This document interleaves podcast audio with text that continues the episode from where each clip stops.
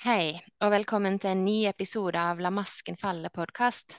Mitt navn er Mai Camilla Munkjord, og gjest i dag det er du, Stine Helene Wergeland Enger. Velkommen skal du være. Tusen takk for det, Mai Camilla. Jeg har gleda meg masse til å snakke med deg, og jeg kom i kontakt med deg på Instagram, hvor du har en kjempefin konto som har navnet Bevissthetscoach. Og du er jo utdanna gestaltcoach og veileder, og du er opptatt av bevisstgjøring, livskvalitet og vekst gjennom å leve mer og mer ekte eller autentisk, og gjennom å våge å vise hvem du er bak fasaden. Så der har du og jeg et felles prosjekt, Stine. Det har vi definitivt. Ja. ja. Og, og, jeg har invitert deg i dag til å la deg fortelle din historie. På en måte så er det en historie kanskje som en kan si fra smerte til vekst. Og det er òg en historie om å være høysensitiv og om å leve med PTSD. Og det er fordi at jeg vet at din historie den kan vekke resonans og gjenkjennelse hos mange og gi håp og nye retninger og nye perspektiver. Men jeg vet du har mye på hjertet, så det er jo ikke så lett kanskje å vite akkurat hvor vi skal starte. Men kanskje du vil si litt kort først om hvem du er, og så dykker vi ned i materien sammen etterpå. Det høres veldig bra ut. Um, tusen takk for den introduksjonen, Mai Camilla. Den traff meg midt i hjertet. Så det, er ingen tvil om at du har uh, ressursene for å kunne se mennesker, sånn som du gjør når du introduserer meg på den måten. Tusen takk for at jeg får være med i podkasten din også. Jeg har jo vært en stor beundrer av deg lenge. Takk. Og, Og eh, jeg tenkte å si det at akkurat idet jeg slapp eh, Jeg hadde en artikkel jeg hadde skrevet for Psykologisk i denne våren som handler om min historie. Som jeg skal komme inn på etterpå. Og akkurat når jeg eh, satt og kjente ganske mye på nerver i forhold til å gå ut og fortelle om min bakgrunn, så oppdaget jeg boka di mm. En uke i forkant. Og det gjorde at jeg ble så utrolig mye roligere og følte meg ikke alene om å dele mm. så dype ting som jeg gjorde da. Men før det, da, så skulle jeg snakke om meg, og du ba meg introdusere meg eh, først. Og det eh, kan jeg jo gjøre. Jeg er 47 eh, år gammel mm. og bor i Drøbak sammen med familien min. Jeg er gift. Og jeg kan vel si det at vi flyttet til Drøbak Eh, fordi Eller det skjedde i forbindelse med at jeg gikk på en smell. Mm. Og det jeg har erfart mer og mer, er at når man går på en smell, så møter man seg selv. Mm. Jeg har definitivt gjort det mer og mer for hver smell jeg har gått på i livet. Og et, eh, en, et resultat var jo da at vi flyttet fra Oslo, hvor jeg hadde bodd i 20 år, til lugn og ro og natur på alle kanter. Mm. Ja. Og så, i tillegg til at du fortalte litt hva jeg jobber med, eller hva jeg er utdannet som, så er jeg jo tidligere, jeg jo tidligere utdannelse innen markedsføring og media. Og har jobbet nesten 20 år i næringslivet. Mm. Før jeg starta på min nye vei. Nettopp. Ja. Det var litt kort fortalt. Og så tenker jeg at vi kan gå litt i dybden nå etter hvert. Eh, ja, kjempefint. Hvor har du lyst til å starte der? Fordi det er jo mange steder å starte, men kanskje du vil fortelle litt om mm. Vil du begynne med å fortelle liksom om, om, den vanskelige ungdomstiden din? At du vil på en måte mm. starte med å fortelle litt hvordan var det å være Stine tenåring? Ja. Det vil jeg gjerne gjøre. Jeg kjenner at jeg trenger å gå tilbake til uh, i hvert fall da jeg begynte å skjønne at uh, ting ikke var helt uh, som, at ikke jeg var helt som alle andre. Mm. Det som er at jeg forstår jo Jeg forsto jo ikke det den gang. Det er jo først nå eh, etter at ja, jeg rundet 40, nå er jeg 47, så det er noen år siden. Mm. Men det er jo først senere at jeg har forstått alt dette. Mm. Og at uh, da jeg som 18-åring allerede begynte å kjenne på nedstemthet, uh, at det har en større sammenheng med at Moren min ble kreftsyk da jeg gikk i slutten uh, på barneskolen. Um, mm. Rett før det, eller ganske kort tid før det, så hadde faren min hatt hjernehinnebetennelse og ligget to uker på sykehus i koma og holdt på å dø. Mm. Um, så jeg husker at vi var i litt sjokk, og så gikk det en tid, og så fikk mamma en kreftdiagnose. Og nå forstår jeg hvor tøft det var, men den gang da så bet vi det på en måte litt i oss og, og prøvde å fortsette med livet. Um, å være positiv og ikke sant, tenke fremover og ikke grave oss uh, så mye i det som var. Det var på en måte litt sånn mantra i familien. Mm. Uh, og det som er at moren min var veldig positiv, så det, det, det har man lov å være. Men jeg kjente på en måte at det ikke var lov å være lei seg, kanskje, og reagere da, sånn som jeg hadde trengt å gjøre. Mm. Sånn at oppveksten min handlet veldig mye om å fortrenge følelser og late som om alt var bra. Selv om jeg levde i en sånn ganske sånn uforutsigbar tilværelse med en mor som var ut og inn av sykehus og ut og inn av sterke behandlinger, hvor hun forandra seg mye. både væremåte og utseendemessig. Og det var ganske skremmende å være vitne til i den fasen av livet hvor jeg var tenåring og ville være som alle andre, ikke sant. Mm. Um, hvor jeg følte meg egentlig litt mislykka, for familien min var ikke som alle andre. Og vi kunne ikke dra på de feriene som de andre gjorde, og vi måtte, ja.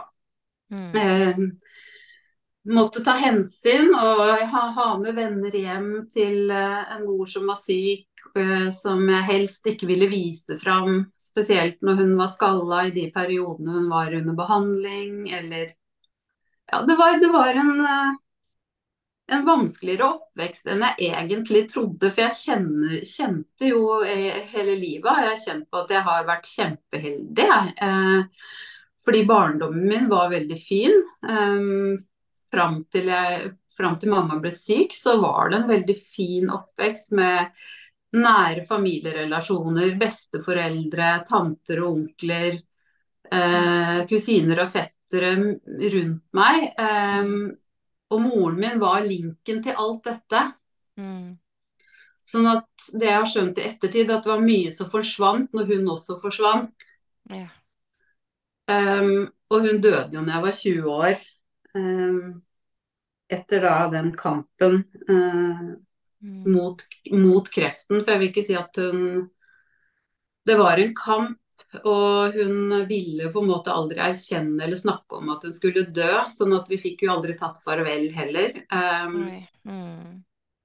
Så det tøffeste traumet, eh, eller det som sitter i kroppen min mest fra ungdom, eller fra den tiden Jeg kaller meg egentlig ungdom da jeg var 20 år òg, for jeg ser på 20-åringer i dag, så er de veldig unge. Mm. Jeg husker at jeg kjente at jeg må jo være voksen og finne veien min og utdanne meg. og Jeg klarer meg selv, men jeg ser at ungdom på 20 år, de trenger trygghet Mm. rundt seg og forutsigbarhet som jeg følte at jeg mista da. Og den siste tiden av livet til moren min var utrolig tøff, fordi hun eh, kom til jul, i jula. da, Hun døde i, i, mars, så de siste tre månedene av livet hennes, da kunne hun ikke spise mer og ta til seg mer næring, for da hadde kreften spist opp holdt på å si, de indre organene, sånn at hun hadde ikke et fordøyelsessystem fordøyelsessystem. Mm. Så det, at, eh, det er egentlig litt sånn spesielt at vi snakkes akkurat nå i, i tiden hvor eh, det er jul og høytid. Fordi moren min var veldig tradisjonsbundet og elsket jula. Det var liksom et av de sterkeste, fineste barndomsminnene jeg har. Hvordan vi pleide å, ha, å, feire jul og pyntet jul og julaften hvor hun sto der med ribba med sprø svor og forkle og ikke sant, de nydelige barndomsminnene som ble borte med den siste jula, hvor hun var så syk at hun ikke kunne spise. og og hva skal jeg si, hun ble jo heltidsinnlagt på sykehus de siste månedene, hvor hun bare ble tynnere og tynnere og mer og mer neddopa på morfin eller ja, andre mm. smertestillende. Og hvor skrekkinngytende det var å være vitne til å være der og, og, se de tingene som jeg da i ettertid har sett at ble traumer. Og mm. hvor hun eh, lå i sykesengen og ikke kunne gjøre noe og ropte på hjelp i sånn delvis bevisstløs tilstand, hvor jeg satt ved siden av henne og ikke kunne gjøre noe. Jeg så, jeg så på Jeg ble på en måte redd min egen mor fordi at hun var borte. Mm. Den friske moren min var plutselig nesten et skjelett som, eh, som kjempa mot døden, som hun ikke ville møte. Mm. Så det, det, var på en måte, hva skal jeg si, oppveksten opps, oppsummert. Det var, hørtes jo Det ble jo litt av en eh, det, hør, det, er jo så mye mer å fortelle om oppveksten, selvfølgelig. Ja, men dette her er essensen, vil jeg vel si. Eller kanskje du har noe mer spørsmål om meg? Jeg vet ikke om jeg har mer spørsmål. Jeg skal fortsette med spørsmål, men jeg har lyst til å kommentere litt. For jeg tenker at um, det er litt viktig at jeg tror mange av oss bærer på sår som vi har Noen av oss har en tendens til å bagatellisere det i lang tid. Sant? Jeg var jo òg som deg over 40 da jeg skjønte at jeg bar på traumer. Um, og, og, jeg tror det at det at vi bærer på traumer, det betyr ikke at det ikke også var veldig mye som var bra. Ja. Fordi at det er det mange som tenker at ja, men herlighet, liksom, du kan vel fokusere ja. på alt det som var bra, hele dussen, ikke sant. Det har jo også mine, flere av mine nære familiemedlemmer sagt ja, men dette er ikke hele sannheten, Mai.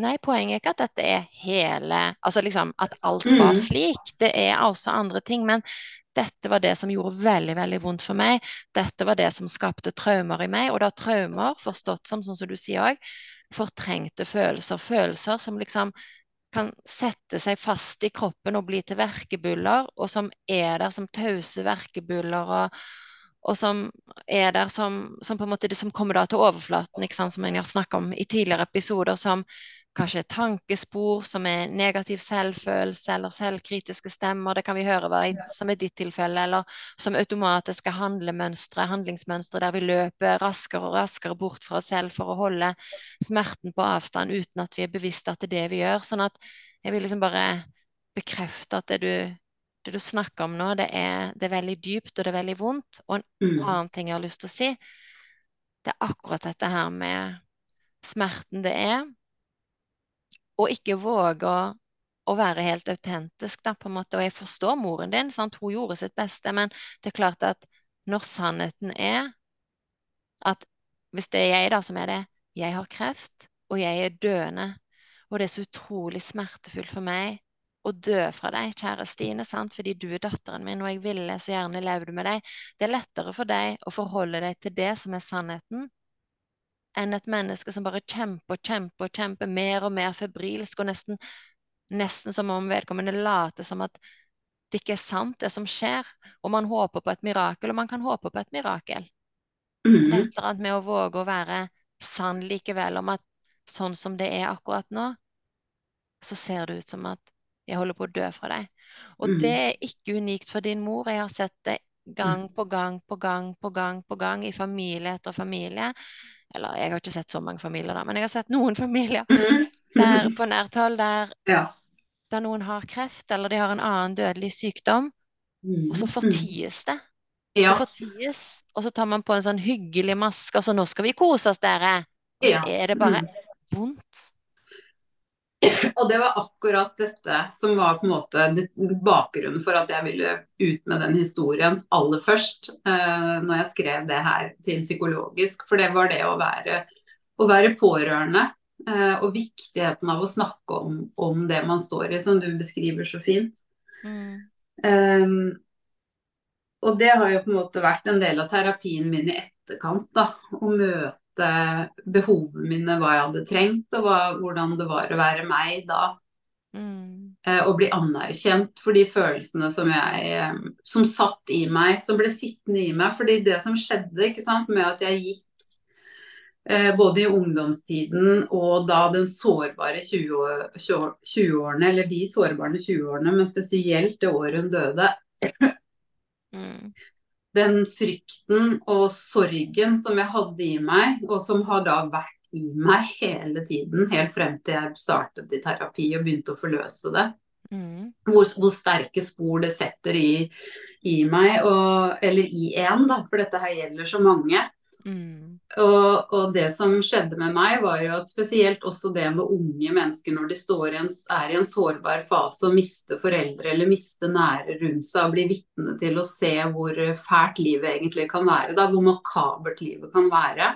Mm. så er det ikke rart at man blir påvirket, at man blir nedstemt. Sånn som jeg begynte å kjenne på i slutten av tenårene, når jeg så og, og forsto at eh, mamma kommer ikke til å være der. Eh, og jeg, jeg, var i en sånn fase hvor jeg egentlig ville følge drømmen min om en, en utdanning som jeg hadde drømt om lenge, og som jeg hadde starta på det året hun døde, men jeg kjente jeg mista helt selvtilliten. Mm. Og selvfølelsen det året, som gjorde at jeg startet på en ny retning rett etter begravelsen hennes, fordi jeg kjente at jeg må finne en, en mer sånn konstruktiv, eh, smart vei inn i, i karrieren min. Jeg må, må, sikre meg en trygg jobb. Og, Behovene ble annerledes. da Tryggheten tok mm. over for kreativiteten. Um, I forhold til hva jeg følte jeg måtte jeg hadde ikke tid til å være kreativ og leke meg inn med utdannelse. Jeg måtte finne en uh, trygg jobb så fort som mulig, så jeg kunne starte å tjene penger. Mm. Og det, alt dette her hang jo litt sammen med at jeg følte meg veldig ensom. Um, for det skjedde mye relasjonelt også når hun døde, da. Ikke bare ikke sant, at hun ble borte. For hun var jo egentlig min sånn Hun var jo min støttespiller. Hun var jo en veldig omsorgsfull mor. Eh, som alltid Hun gjorde hva, hva, backet meg. Eh, og når hun var borte, så følte jeg ikke at jeg hadde den Jeg vet ikke hvordan jeg skal forklare det, men jeg følte meg alene, da. Mm. Og det skjedde som sagt mye relasjonelt. Og både at de beste venninnene mine, to, to bestevenninnene mine, dro til utlandet og studerte. Den ene dro for å studere medisin og har vært eh, borte siden, holdt jeg på å si. Um, sånn at de trygge bautaene jeg hadde fra oppveksten, uh, forsvant. Uh, og, og, hennes familie var for øvrig som min familie, for de hadde tatt seg, mye, tatt seg av meg mye i oppveksten når mamma var for syk. Så fikk jeg være med de på hytta eller andre ting, så de var på en måte min familie. Så når hun også forsvant, så forsvant det enda en familie når hun ikke var i Norge lenger. og um, I tillegg så ble det litt sånn oppløsninger på mammas side av familie. Og farfaren min døde av hjerteinfarkt natt til mammas begravelse. Og farmoren min ble etter hvert dement, og mormoren min ble syk. Så liksom alle disse trygge momentene fra oppveksten ble på en måte oppløst. da. Mm. Og så traff jo faren min en ny veldig fort eh, også, eh, rett etter eh, mamma døde. Men det har jeg ikke tenkt å snakke så mye om. Og, eh, og jeg forstår alt. Alt dette her forstår jeg nå i ettertid, men der og da så var det vanskelig for meg å forstå dette her, da. Så det, det var mye indre frustrasjon og frykt eh, som ikke kom ut i det hele tatt. Så det jeg gjorde, var på en måte å flykte fra følelsene. Mm. Um, og jeg, jeg, studerte, jeg tok markedsføringsutdannelse og var bare opptatt av på en måte å få gjennomført de studiene. Så det var ikke noe sånn kul studieperiode, det var jo mer bare hard jobbing. Og jeg, jeg kjente veldig mye på angst og uro. Um, og den første gangen jeg virkelig kjente det, da, var uh, da jeg begynte i min første jobb rett etter utdannelsen. Da da var den angsten min så sterk. For det ble på en måte knyttet til det at jeg ikke klarte å prestere, eller jeg var redd for at jeg ikke var flink nok. Mm. Frykten satte seg som en sånn frykt for å ikke være god nok, flink nok. Mm. Um, og utløste et sånn skikkelig angstanfall. Um, hvor jeg kjente på alle disse følelsene som ikke jeg visste var følelser, da. Men det, jeg skjønner jo det etterkant, alt det kroppslige som skjer når man er så redd, da. Mm. Um, og det som skjedde, var at jeg faktisk eh, ble kjørt til legevakta i Oslo. Um, og fikk eh, angstdempende medisin, eller beroligende, og litt senere den perioden da Det her var eh, når jeg var ferdig utdannet, så var tidlig i 20-årene. Men det var liksom min første ordentlige sånn reaksjon mm. på de uforløste følelsene, da. Mm. Uh, og i tillegg så uh, var det såpass tøft at jeg begynte på antidepressiva. Og det var jo ikke sånn at jeg begynte hos psykolog eller skulle snakke snakke om alt dette her. Mm. Jeg var bare så nedstemt og ute av balanse at jeg fikk utskrevet antidepressiva. Så det jo, var jo min største skam, egentlig. For da begynte den skamfølelsen i meg å vokse over at jeg var annerledes, og at jeg måtte skjule det her, at jeg ikke fiksa livet helt som de andre Mm. eh, rundt meg. For jeg hadde jo en omgangskrets hvor alle er flinke og bra jobber og utdannelse, ikke sant. Jeg følte meg som en sånn failure i smug. Ja. Så ved å kompensere så var jeg veldig opptatt av det ytre. ikke sant? Opptatt av å se bra ut, trene masse, være blid og positiv og være med på det meste og se ut som jeg hadde et uh, veldig bra liv. Og så var jeg egentlig dypt ulykkelig innerst inne. Um, og de, de, antidepressivaene. Det skal sies at når jeg kom inn i en jobb jeg faktisk følte jeg håndterte, eh, en fantastisk eh, periode. Jeg starta å jobbe i Freia, som den gang het Craft Foods, som var amerikansk eid på den tiden. Mm. Eh, I starten var det veldig veldig godt å, å, begynne der fordi jeg fikk en nydelig nettverk rundt meg og kjente på mye mer trygghet i jobbsammenheng. Og da kunne jeg trappe ned på de antidepressivaene ganske raskt, så jeg tror ikke jeg gikk på det mer enn et års tid. Mm. Eh, men da begynte de sterke følelsene igjen. Eh, som både ledet meg inn i dårlige relasjoner, holdt jeg på å si. Dårlige forhold, kanskje, sånn i ettertid. Mm. Alle de konsekvensene det fikk da, fortsette å, å ikke møte de følelsene. Mm. Og hvordan jeg kjente, eller hvordan jeg ser at jeg ble trigga veldig jobbmessig. fordi eh, der jeg jobbet, så ble det veldig mye fokus på utvikling. Når man jobber i et amerikansk selskap, så er det sånn klatre, det er det utviklingsplaner for de ansatte og om å gjøre å på en måte avansere. Mm. Ja, og Gjøre karriere gjøre karriere. Du får nesten ikke lov å være i en sånn bedrift uten å være karrierebevisst. Så selv om jeg hadde veldig godt og trygt den første jobben, så måtte jeg klatre. Det var, det var sånn det var. Og det ble jo jobbet veldig internasjonalt, så det ble jo et veldig sånn kompleks måte å jobbe på.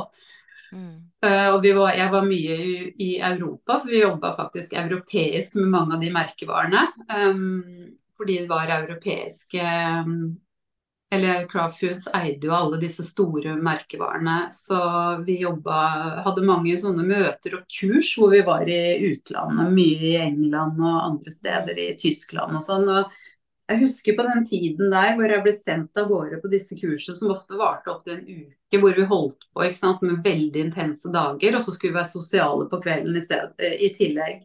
Mm. Og da husker jeg kjente at jeg fikk jo breakdowns, det var ingen som så det, men jeg, jeg var jo helt det var jo altfor mye for meg. Mm. Eh, både det å håndtere alle mennesker og prosesser og prosedyrer, og kunne være flink i tillegg og levere. Mm. Så det var utrolig tøffe år, men veldig fine år. Og det her var jo hele 20-årene mine hvor jeg jobba der. Mm. Og det jeg skulle egentlig si med det hele, var at jeg gikk jo da på en skikkelig smell tidlig i 30-årene, jobbmessig, da. Mm. Og det, det, var til slutt så sa kroppen ifra. Og det var da jeg virkelig begynte å Begynte å ja, kikke enda litt mer innover. Det har blitt litt sånn at jeg har sett mer og mer innover da, for hver gang. Mm. Um, unnskyld. Um, så, uh, så, det som skjedde den, uh, når jeg da gikk på den smellen som ja, i tidlig 30-årene, da, så husker jeg veldig godt at det å bli sykemeldt, det hadde jeg ikke blitt før. Og det var noe av det mest skamfulle jeg var, hadde vært borti. Jeg var litt sånn Hele min identitet hang litt sammen med at jeg hadde, den, hadde fin jobb og det nettverket på jobben. Og hvis ikke jeg fiksa jobben min, hva var jeg da? Um, det er jo en helt sånn vanlig identitetskrasj som mennesker kjenner på. Um, men jeg husker veldig godt hvordan den liksom, skammen som kom oppå det hele, angsten rundt det å ikke funke, den ble så sterk at jeg isolerte meg veldig i starten på den sykemeldingsperioden. Jeg bodde jo alene, var mm. singel. Mm. Mm. Og veldig, veldig i kjelleren. Um. Og jeg kjente jo innerst inne at det er ikke dette her jeg egentlig skal drive med. Det begynte jeg jo å kjenne veldig sterkt da, og hadde jo holdt på lenge å lese psykologi og satt meg inn i masse Mm. mye dypere ting i livet. Og hadde kommet, kommet, hadde kommet veldig langt i starten på 30-årene sånn sett. For jeg følte meg vel egentlig som en 50-åring, for jeg hadde liksom fått et perspektiv på livet som en 50-åring. Det var ingen andre i min omgangskrets som hadde liksom det synet på livet som jeg hadde. Um, det å faktisk stoppe opp og kjenne etter hva er det jeg skal gjøre, hva er meningen med livet, allerede da. Um, Mm. men da begynte jeg på en ny reise. Da starta jeg jo, tok, tok min første coachingutdannelse. Mm. Og etter, jeg kom jo tilbake etter jeg hadde vært sykemeldt, så det var en fantastisk HR-avdeling og ordentlig bra rigga, for å si det sånn, eh, til eh, å ta, ta seg av meg som var sykemeldt. Så jeg kom veldig raskt tilbake, og det er jo gjerne det som er målet når folk blir sykemeldte, at man skal komme fort tilbake igjen. Og eh, jeg trodde ikke jeg ville tilbake engang, men takket være at jeg ble møtt og sett da, av de rundt meg på jobb, så, så kom jeg tilbake, utrolig nok. Eh, og da fikk jeg hjelp av en coach. En, eh, de kalte det en coach, en ekstern eh, dame, holdt jeg på å si, som skulle hjelpe meg å bli fort, eh, fort frisk igjen. Mm. Men hun hadde spennende tilnærmingsmåter som gjorde at jeg kom i kontakt med litt mer Ja, var på hvert fall scratcha litt mer inn i hvem jeg egentlig er. Så Og fra å være i det dype mørket jeg var, så så var det som om jeg liksom begynte å se nyanser og Ja. se livet på en annen måte, da. Ja. Etter dette. Ja. Har du Så det var, eh, var, var litt magisk, faktisk. Ja. Utrolig spennende dette her med Ja, som du sier, da, at du allerede på det tidspunktet stilte deg spørsmål liksom, ja, men er det egentlig dette jeg skal drive med, og hva er meningen med livet, og, og, og, og disse her dypere spørsmålene. Men jeg tenkte på en måte, når du da var i begynnelsen av 30-årene, hadde du da begynt å kjenne etter hva som var bakgrunnen for på en måte den, det første liksom den første store kroppslige reaksjonen du hadde i begynnelsen av 20-årene, og der du på en måte ble kjørt til legevakten, og, og der du begynte på det antidepressiva, og der du sjøl følte at dette var noe du måtte skjule, liksom, at du var liksom en slags failure i smug, og der du gjorde alle mulige slags ting for å virke da, tilsynelatende som at du hadde det veldig bra med å trene masse, som du sa, og se bra ut, og være positiv og blid, og, og være med på det meste og sånn. Altså, hadde du da begynt å å gi omsorg til den, på en måte, den indre 20-åringen, eller hadde du mer bare parkert liksom, de yngre delene av deg selv? Åh, Ja, Ja. godt spørsmål. Det var veldig det du sa der. Parkert. Jeg hadde parkert det. det jeg gikk, gikk ikke i dybden på det. Det var mer som om hun tente en ny liv, en livsgnist i meg. da. At, um, at livet har flere muligheter. Og det var da jeg starta på coachingutdanning og etter hvert begynte å se for meg at jeg skulle jobbe med mennesker. Så det var på en måte den delen hun tente, mens jeg gikk ikke inn Eller vi gikk litt inn i, i en av de hennes terapiformer, så gikk vi litt inn i litt sånn kroppslige Jeg husker jeg lå på en benk og skulle beskrive noen Beskrive hva jeg kjente på eh, innvendig, og hva jeg på en måte vi visualiserte mye, og jeg ser i etterkant at noe av det som var slags sånn blokkeringer jeg hadde i kroppen, Mm. som var mye frykt. Ikke sant? Jeg beskrev det som en klump og, i brystet, og at jeg hadde trang hals. At det forskjellige ting som skjedde når vi hadde sånn kroppsskanning sammen. Mm. Eh, men jeg skjønte, og jeg skjønte vel egentlig indirekte at dette har noe med, med bakgrunnen min å gjøre. Um, men samtidig så ignorerte jeg det. Fordi at jeg fikk en så god følelse etter jeg hadde vært i samtale og behandling hos henne, at når jeg kom ut av døra, så husker jeg det var bare sånn at um, alt var så sterkt, intenst. Altså det var, det var den gnisten som ble tent, som ble sterkere da, enn frykten. Ja. Mm. Og det var fantastisk Mm. deilig følelse. Og så Mm. gå tilbake til det samme bedriften og starta jeg en annen stilling med en ny leder som var helt fantastisk rådyktig innen markedsføringsfeltet. En av de Altså, jeg følte meg bare sånn honored, og jeg var veldig sånn Det var som å være rusa på livet i starten når jeg kom tilbake. Og, men så kom realiteten etter hvert, da. Jeg fortsatte å jobbe der i noen år, og så kjente jeg at uh, nei, vet du hva, jeg blir så trigga, jeg blir så stressa av alle disse deadlinesene. Det er så enormt komplekst å jobbe et sånt sted. Det her passer ikke for meg. Så jeg mm. begynte å erkjenne behovene mine. Mm. Begynte å erkjenne mer av hvem jeg er og hva jeg trenger for å ha det bra. Mm.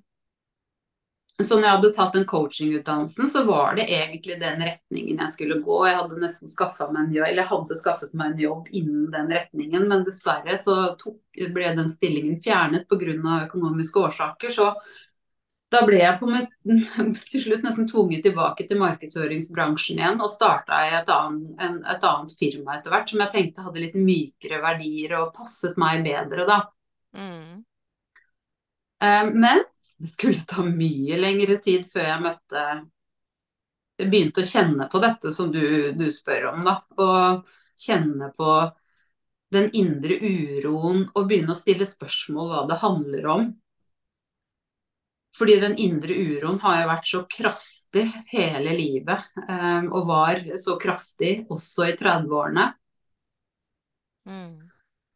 At den kom ikke Jeg fikk ikke avdekke den før eh, før jeg starta i terapi. Og um, nå hopper jeg egentlig nesten over da disse årene som Det var jo fantastisk. Jeg møtte mannen min, fikk barn, ikke sant. Og det var deilig en periode, og jeg kjente deilig å ikke ha fokus på meg selv.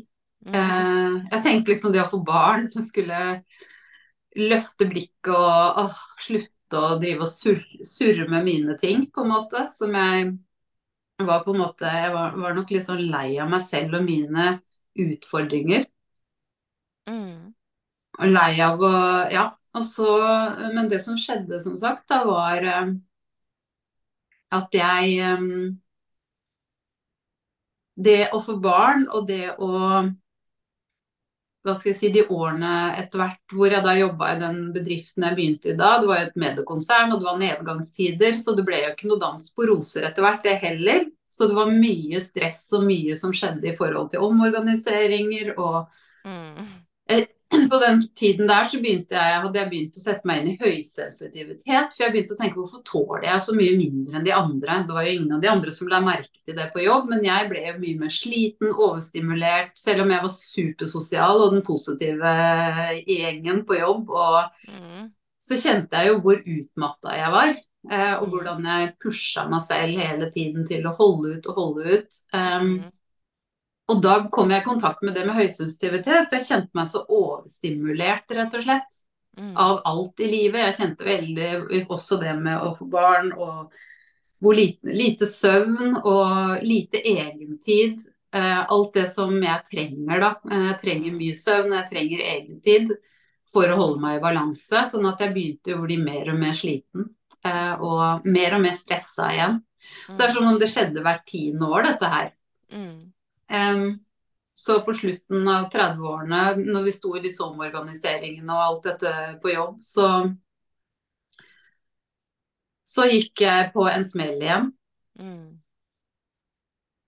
Og jeg tror jeg begynte å skjønne, for da hadde jeg også gått gestaltutdannelse, to år på Norsk gestaltinstitutt høgskole.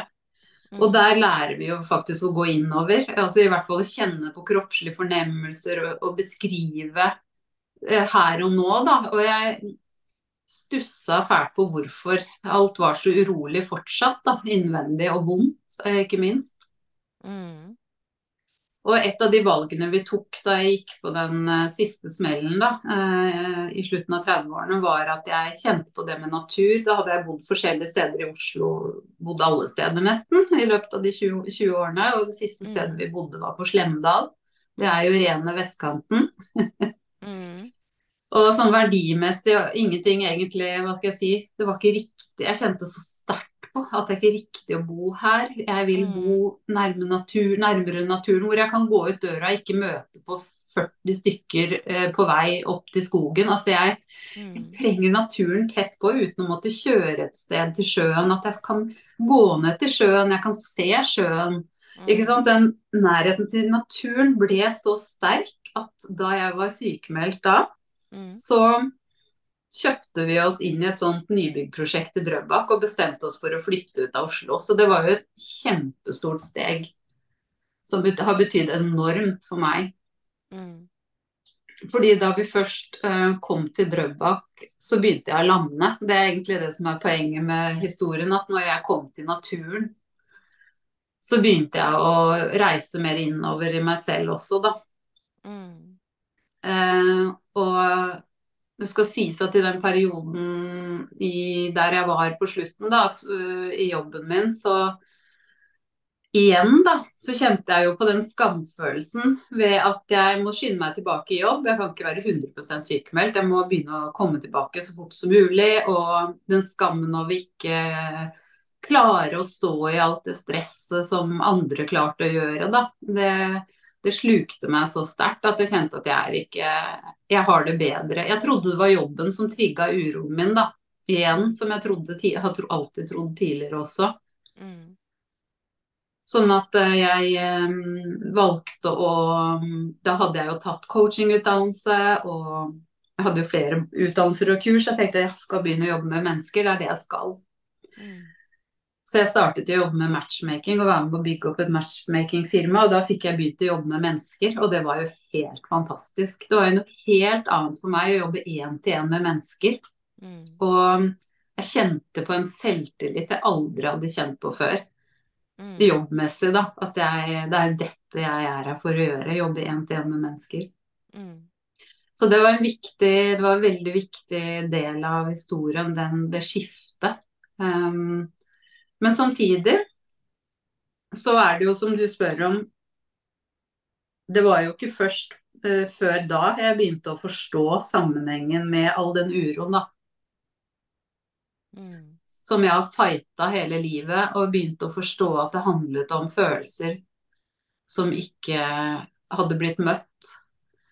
Um, og jeg hadde jo vært i ulike sånn, ja, terapi. Jeg hadde jo gått i ulike sånn lettere terapiformer, men hadde jo aldri vært i en sånn ordentlig terapi. Eh, og det var jo Det skjedde jo da jeg var sykemeldt den siste gangen, så var jeg hos Hadde jeg en fastlege som eh, fikk en vikar, og hun kom, hva skal jeg si, hun vikaren som kom inn, var som sendt fra himmelen, eller hva jeg skal si. For det var takket være noen av hennes spørsmål at fastlegen faktisk begynte å spørre noen spørsmål fra min fortid. Mm. Eh, hvordan oppvekst jeg hadde hatt. Mm. Eh, det var jo da jeg kjente at eh, her eh, kan det jo være noe. Fordi min forklaring var jo at jeg var så stressa i jobbsammenheng pga. Uh, omorganiseringer, og at jeg ble påtvunget stilling som jeg ikke følte jeg leverte på. Det var klart, det trigga jo nervesystemet.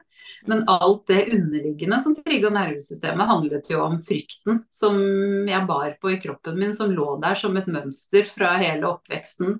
Mm. Um, og det, da begynte jeg å forstå sammenhenger. Når uh, Samtidig som hun vikaren vi oppdaga, holdt på å si, begynte å stille de spørsmålene, så, så var jo vi i en flytteprosess. For det var jo da vi flyttet til Drøbak, så jeg måtte søke ny fastlege der. Og det var mye som skjedde de årene da i slutten av 30-årene. Eh, som jobbmessig og det å drive for seg selv, det, var, det var, er jo også interessant fordi, å nevne. Fordi jeg syns det er veldig viktig lærdom.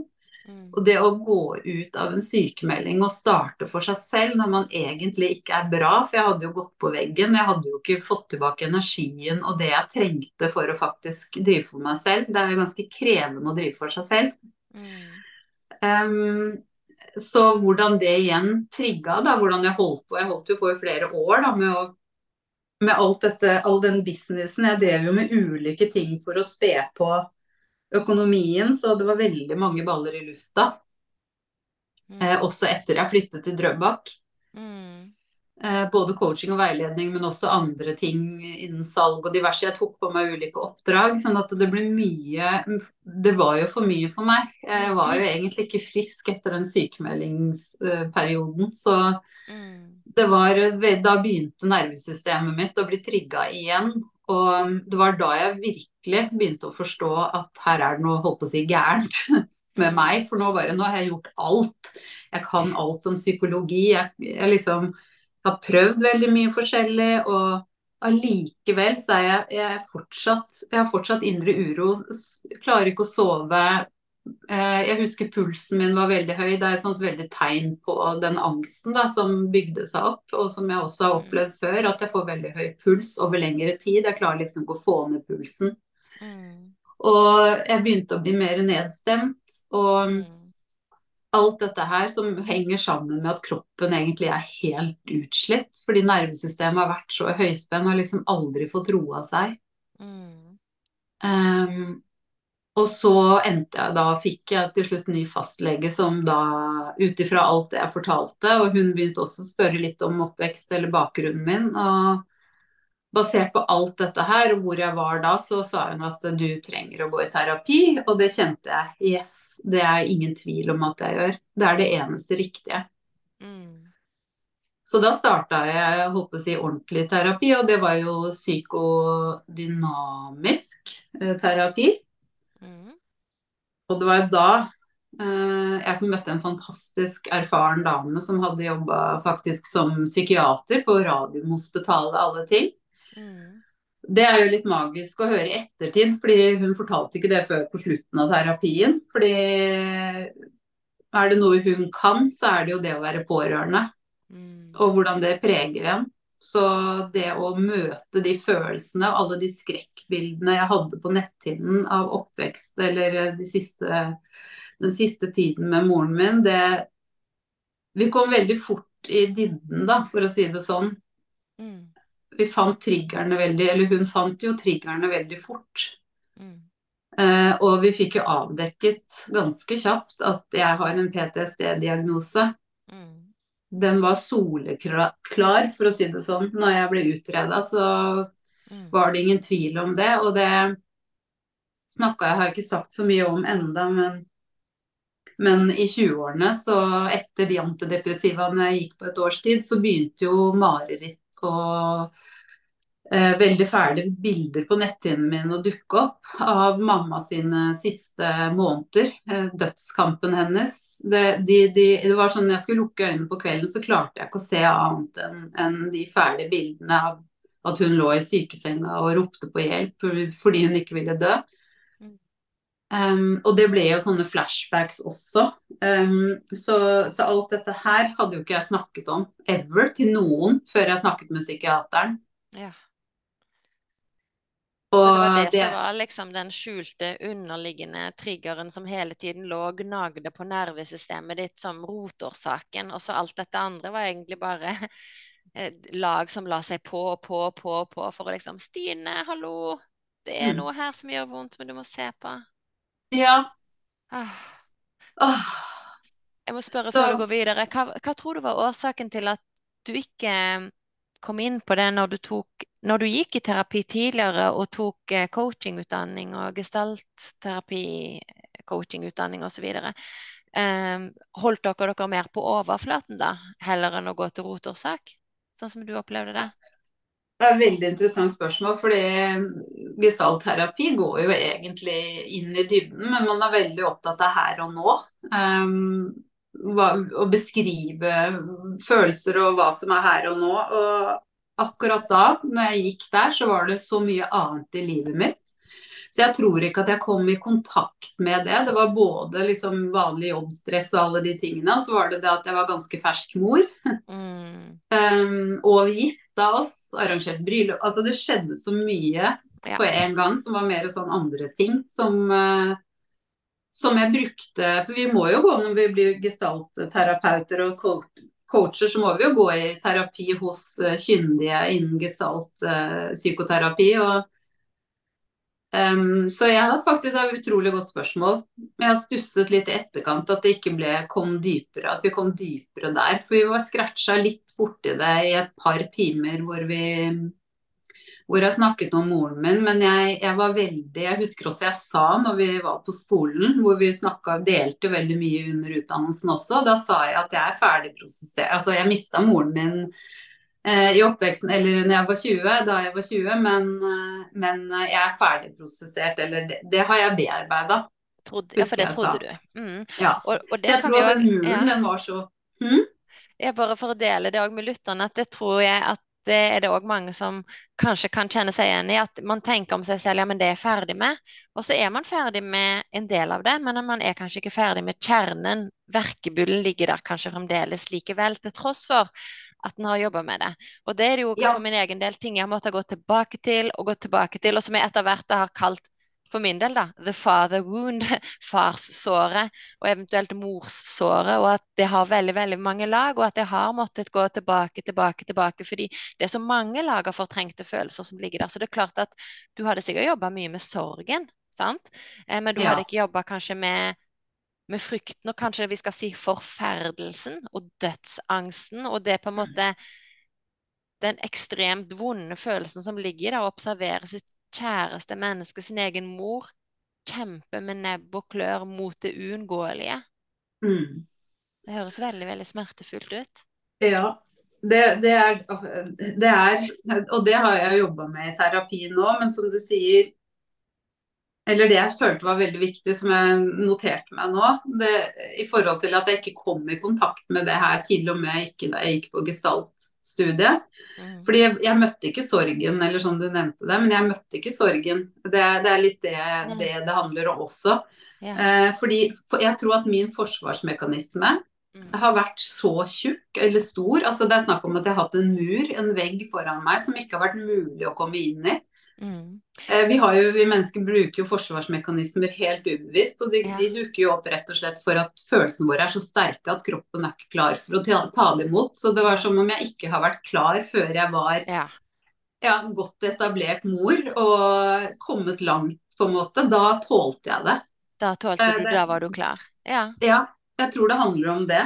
At, jeg, at det, var, det, var, rett og slett umulig å nå igjennom den når jeg gikk de studiene også. Fordi den mm. forsvarsmuren. Den var så mm. stor, og det var så mye annet vi snakka om som sagt i terapi da, som var mm. mer sånn relasjonelt og her og nå-type ting. Ja, jeg kan bare òg nevne det. Det òg kjenner meg veldig igjen i, fordi at jeg eh, fikk heller ikke i det hele tatt kontakt med mine på en måte barndomstraumer før jeg gikk på veggen som 43-åring. Men det betyr jo ikke at jeg ikke hadde utfordringer før det, men da tenkte jeg at det var parterapi som var greia. Sant? Så vi gikk jo fra parterapeut til parterapeut fordi at det er så mye greier her. ikke sant? Og jeg trodde at, jeg trodde at rotårsaken handlet om nettopp sånn som deg, altså, sant? det som skjedde her og nå. At det var parforholdsdynamikk her og nå, og det var for mye på jobben her og, må, her og nå, og det var for mye stress, det var hamsterhjulet her og nå som jeg trodde var problemet. Men, ja. men, det var jo egentlig bare en, du, et kompenserende atferdsmønster, en måte å holde smerten på avstand. Mm. Nettopp. Ja. Ah, ja. Så da går vi tilbake til deg og, og din historie. Ja. Så da, da, skjedde det en ganske sånn stor vending da, egentlig, når du var klar til det, som egentlig var sånn helt på slutten av 30-årene, begynnelsen av 40-årene. Og det fordi da var du stødig nok til å kunne ta inn over deg og føle på den smerten som du bar på, knytta til mm. sykdomsforløpet, spesielt til din mor, men som egentlig der du allerede var sårbar fordi din far allerede var syk, og også som du forklarte i starten, så mange tilleggsfaktorer som gjorde at det ble utrolig uhåndterlig for ungdommen Stine, med så ja. mange relasjoner som bare ble pulverisert på én og samme gang. Ja ikke sant, traume, overveldende hendelse som ikke så, altså, altså, Definisjonen på traume som du er veldig god til å beskrive. Eh, jeg kjenner veldig igjen da, at eh, det var jo det det var. Det, traume, det var overveldende hendelser. Det var jo mange hendelser mm. som, som, var som sår eh, innvendig. Mm. Som ikke hadde grodd, og som ikke hadde mm. blitt snakket om i det hele tatt. Mm. Og det å da komme i terapi og bli møtt og anerkjent Nå kjenner jeg for helt gåsehud. Mm. Jeg hadde aldri opplevd det før. Mm. Det å få høre at eh, det er helt normalt at du kjenner på, ikke sant. Og at hun stilte masse spørsmål som gjorde at det bare åpna seg innvendig. Og jeg begynte å sette ord og kjenne på dette her. Mm. Og ikke minst den skamfølelsen jeg hadde følt så lenge. For jeg hadde hatt så mye skam for at jeg var egentlig nedstemt innvendig, og at jeg hadde så mye uro og angst. Mm. Eh, Jeg hadde så, så sterk skam oppå det hele, for skam er jo ofte en type sekundærfølelse man får over at man føler seg annerledes. Man Mm. trenger jo egentlig å bli, få anerkjennelse og bli møtt, og så gjør skamfølelsen at man trekker seg tilbake. Sånn som jeg gjorde. Ja, Ja. skamfølelsen tenker jeg er en ekstremt smertefull følelse som egentlig handler om at det blir, sånn som jeg ser det, da, det er resultatet av at jeg svikter meg selv. Jeg snur ryggen til meg selv fordi jeg føler meg feil. Det er noe feil med meg, og det må skjules. Yes. Det er utrolig vondt. Og det er en, en skamfølelse er eh, Det er så mange mennesker som kjenner på den følelsen og ikke er klar over at det er det som eh, drar livsenergien ut av eh, en. Fordi det tør jeg å påstå, at skamfølelsen den blokkerer energistrømmen innvendig og drar ut livsgnisten. Mm. Ja. Jeg tenker også at vi kan si at skam er en såkalt katabolsk følelse, og det betyr at den spiser livsenergi. Den spiser overskuddet ditt, den spiser selvfølelsen, den spiser selvtilliten. Så det å Mm. våge å anerkjenne Oi, jeg kjenner på skam, og at det finnes hjelp til å forløse, sant? møte og forløse og transformere skammen, og at Mm. skam er ikke noe vi trenger å leve med. På lik linje, jeg har ikke hatt så mye skam som jeg har kontakt med, men jeg hadde veldig mye dyp frykt, og den trengte jeg heller ikke å leve med. Sant? Og bak Mm. frykten var det sinne og så videre, og, så, og forakt og ja. Men at de følelsene vi har der, som kanskje bare i begynnelsen er vage fornemmelser, og som du sa, et press i halsen eller et klump i brystet, det kan vi hvis vi er nysgjerrig våger å gå innover i oss selv og bli kjent med, og så som sagt da få hjelp til å forløse. Så utrolig fint du beskriver det, at du ble møtt, mm. at du Mm. ble, at du ble sett, og at det ble Mm. normalisert, og at du fikk anledning til å sette ord på det du hadde inni deg, og til å kjenne på det, Mm. Mm. og gradvis gi slipp. Mm. Mm, Og det var litt av en reise, for det varte i tre år. Mm, Så eh, Men det, det er Det høres så lett ut eh, på en måte at jeg trengte å bli anerkjent. Jeg trengte å møte sorgen og frykten og skammen. Egentlig de følelsene da. mm, Og historien min, selvfølgelig. Og snakke om alt og bli forstått og møtt. Og med det så er det jo som en Det er en helende Ikke sant. Helingen starter da med det. mm. Og det er klart, det var ikke noe sånn at jeg var vips. I løpet av tre ganger så begynte jeg å bli bra og sånn. Da var jeg jo ganske i kjelleren en periode. Ganske lite energi og Altså det ble veldig forsterka og ikke sant. Å stå i dette her når du har mann og barn og skal prøve å holdt på å si et liv ut, utenom å forholde seg til. eh, Det er ganske Det er tøft, men det er en så nødvendig ryddejobb, eller eh, enda dypere enn ryddejobb. Jeg vet jeg har ikke ord for det engang. Eh, Det er på en måte ja, en selv, selvhelbredende reise, forløsende reise, for å våge å komme tilbake i deg selv og komme tilbake i egen kraft og leve det livet som du har potensial til å kunne leve, hvis du velger å gi slipp på alt det som suger kraften ut av deg. Så fantastisk at du, at du tok deg tiden til å gjøre det, på en måte. Og det tenker jeg at For vi, nå må vi faktisk begynne å avslutte, jeg. Men at, at lytter nå kan la seg inspirere av din historie til at livet blir så mye rikere, da, og det kan du få si litt om nå avslutningsvis. Altså hvordan endret livet seg? Så kan vi eventuelt ha en ny oppfølgingssamtale der du kan fortelle enda mer senere. Men hvordan endret livet seg når du klarte å gi slipp på noe av det som virkelig sugde livskraften og energien din i så mange år? Ja. Hvem ble du da? Eller hvem Åh. er du i ferd med å Ja, bli jeg, nå? nå er jeg meg, 100 Mm, um, Og jeg har, ikke sant, nå, nå er jeg den jeg er, og jeg legger opp livet etter mine behov og hva jeg trenger for å fungere og ha det godt. mm, Uh, og så må jeg nevne, for jeg glemte å nevne den reisen jeg har hatt i, i forhold til bøker og podkast. Jeg kan godt bare nevne de siste årene, men det har vært utrolig viktig. Uh, og nå ser jeg såpass dårlig, så jeg liker bedre å høre på podkast og lydbøker enn å lese selv. Men jeg har jo noen veldig viktige bøker her, sånn som 'Myten om det normale' av Gabor Maté, som jeg har lest det siste året. Og liksom det hele poenget her, å la, la masken falle av deg, og ikke minst da alle disse podkastene og lydbøkene som handler om psykologi, og som handler om det å, å anerkjenne det vi bærer på, da. Og um, ikke minst, jeg hørt, har hørt på veldig mye interessant uh, sånn som, eh, som, betyr mye, som var på en måte kanskje det som fikk meg til å erkjenne enda mer, i tillegg til å bli møtt av eh, psykiater. Så var det bl.a. Janina Fisher, som er eh, en traume, amerikansk dronning av traumer, holdt jeg på å si. Jeg hørte henne på en podkast eh, hvor hun fortalte om det. Det var egentlig da jeg begynte å forstå at det jeg bærer på er traumer. Det var egentlig før jeg starta i terapi. Mm. Og er, og, å, erkjenne at jeg har bærer på traumer. Mm. At det var så utrolig viktig. Den, hva skal jeg si, all den delingen som er der ute, da. Og Lars Erik Lund, han konserndirektøren i Veidekke, som åpnet opp om depresjonen som for et par-tre år siden, eller enda lenger tilbake.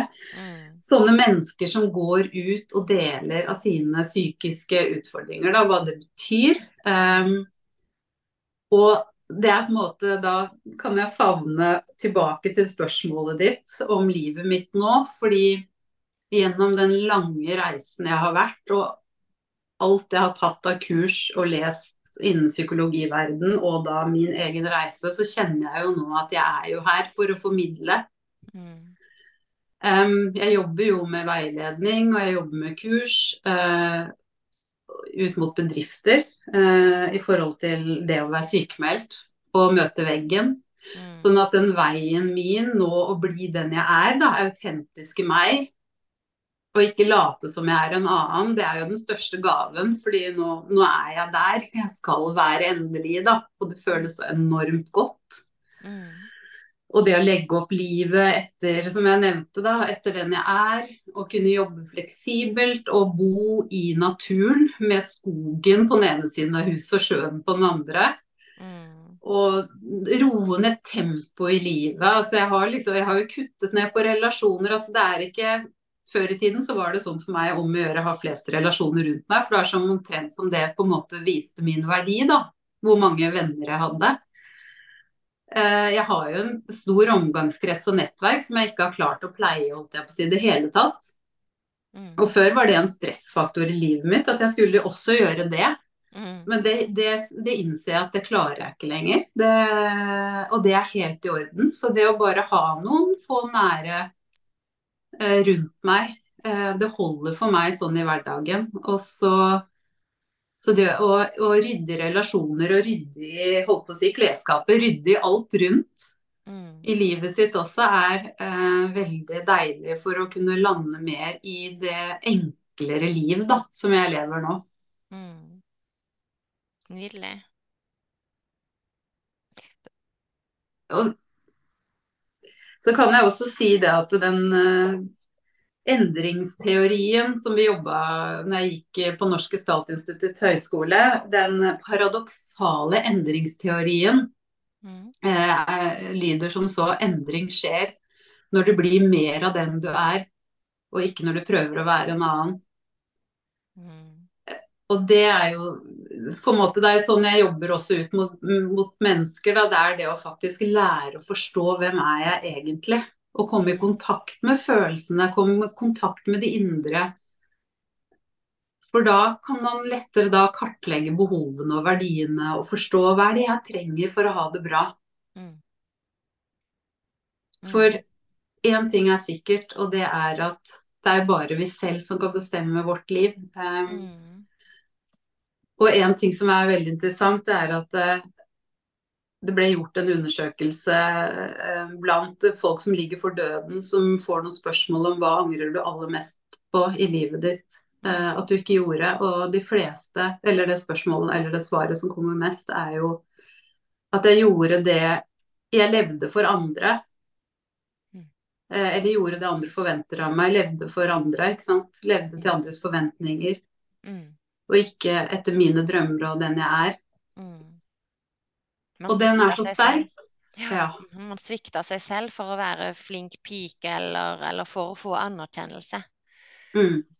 Så det å klare å legge vekk vårt behov for anerkjennelse fra andre og applaus for andre, og så istedenfor liksom komme tilbake til oss selv og være den vi er, det er jo din reise et eksempel på, Mm. og som du nå lever ut gjennom din business business coaching, sier jeg nå, men bevissthetscoaching. Og både opp mot bedrifter, men du jobber òg én til én, gjør du ikke det? Så hvis eh, Eller gjør du det ennå? Mm. Ja, det gjør jeg. Og jeg, det er jo spesielt online-veiledning jeg har gjort nå i det siste. Akkurat nå, i hvert fall. Um, Mm. og noe ute i naturen er veldig det å være ute i naturen. Og det, er noe, det skjer noe med oss når vi kommer ut i naturen. og og ikke minst når vi er i bevegelse. Ikke det at vi er i en rask bevegelse, men det å gå ut i naturen. Det skjer noe med dynamikken da i samtaler. Så det tar jeg også imot av veiledning. Gående veiledning, Mm. vandrende veiledning. Mm. Um, så, så ja, jeg eh, er absolutt eh, å få tak i. Mm. Skal legge kontaktinformasjon til deg i episodebeskrivelsen, men du kan òg bare si det muntlig hvis du vil, hvor Mhm. eh, de som er interessert, kan finne deg. Ja, jeg eh, har jo nettadresse bevissthetscoach.no. Mm. Og så har jeg jo Instagram, som eh, du gjerne må følge, kjære lytter. Og det er at bevissthetscoach. Mm. Mm, så det er de to stedene jeg hovedsakelig er. Ja. Mm. Veldig, veldig bra. Jeg syns dette har vært en utrolig fin jeg. Og håpefull og inspirerende samtale. Jeg er så glad for at du hadde tid og anledning til å være gjest her. Er det noe du ønsker å si, Stine, helt til slutt? Um, ja, altså jeg er så takknemlig for at jeg fikk være med i din podkast. Det er, eh, kan jeg ikke sagt nok, og all den jobben du gjør, um, som er så viktig. Em, jeg beundrer deg stort, eh, så det måtte jeg jo si, kjente jeg. Mm. Tusen takk for det. Ja, det er jeg veldig glad for å høre. Jeg syns det er utrolig kjekt jeg, å få lov til å både ha podkast og skrive disse tekstene mine på Instagram som en del av meg syns er litt radikalt åpne av og til, og til å fortsette å skrive bøker. Og der har vi jo òg noe til felles, Stine. sant? Altså dette at jeg er òg her for å formidle, opplever jeg jo nå. Eh, men det er ikke så lenge siden jeg oppdaga det. Og da jeg oppdaga det, så ble jeg jo helt jublende glad, liksom. Og det er faktisk i år 2023 at jeg skjønte at jeg skulle bli forfatter, fordi jeg skrev 'La masken falle' uten å skjønne det. Jeg skrev til og med manus til bok nummer to, som kommer ut neste vår, uten å skjønne at det er det jeg skal gjøre. Og drev liksom og gikk rundt og helledussen, men hva er det jeg skal gjøre, da? Og så var det bare Men Camilla, du skal jo skrive bøker, liksom, og, og formidle bare Hæ? Skal jeg bare det? Ja, men det OK, det kan jeg gjøre. Det er jo kjempegøy. Men sant, altså, man går ofte da og leter etter noe som er veldig komplisert eller langt borte, eller hva er det egentlig? Og så er det jo kanskje bare se på seg selv, men hva liker jeg egentlig? Hva er det Mm. som faller meg lett og naturlig? Og så er det kanskje det vi skal gjøre. Være oss selv og uttrykke oss selv. Vi, Helt klart. Ja. Mm. Mm. Og jeg kjenner at det er jo utfordrende. Det er en fase som krever litt. Det det å, å by på Jeg er egentlig veldig åpen. Jeg vil si at åpenhet er den sterkeste verdien i meg. Mm. Og det er derfor jeg også formidler og, og, og gjør det jeg gjør. Og det jeg beundrer, eller syns du har gjort da, med den boken, at du skriver som du gjør, det, det krever veldig struktur. Jeg har jo også definitivt eh, en bok Mm. eh, klar, ikke klar, fordi jeg trenger mer struktur. Jeg, jeg håper at den kommer. Eh, og i mellomtiden så går jeg heller ut og formidler på de måtene jeg gjør nå, da. Mm. Både via podkast og andre eh, artikler og, Mm. og så videre. Så, så det er i hvert fall et steg på veien. Og det å ha, å ha tillit til prosessen og ta ett skritt av gangen, det er også et av mine hva skal jeg si, levesett. da. Mm. Mm. Tålmodighet. Leveregler. Ja. Ja, Mm. tålmodighet, tålmodighet med seg selv og ett skritt om gangen. Ja. Og det er vanskelig, for jeg er en utålmodig person, så jeg vil jo egentlig gjøre alt. Så ja. Mm. Mm. Så det er en bevisstgjøring å, å stoppe opp litt, da. Mm. For det trenger vi mennesker for øvrig. Mm. Stoppe opp. Ja. Stoppe opp og være til stede her og nå. Ja. Mm. Jeg syns det var en fin avslutning. Jeg. jeg vil takke deg så mye for samtalen, Stine, og til lytterne vil jeg si på gjenhør. Ha det bra. Ha det bra.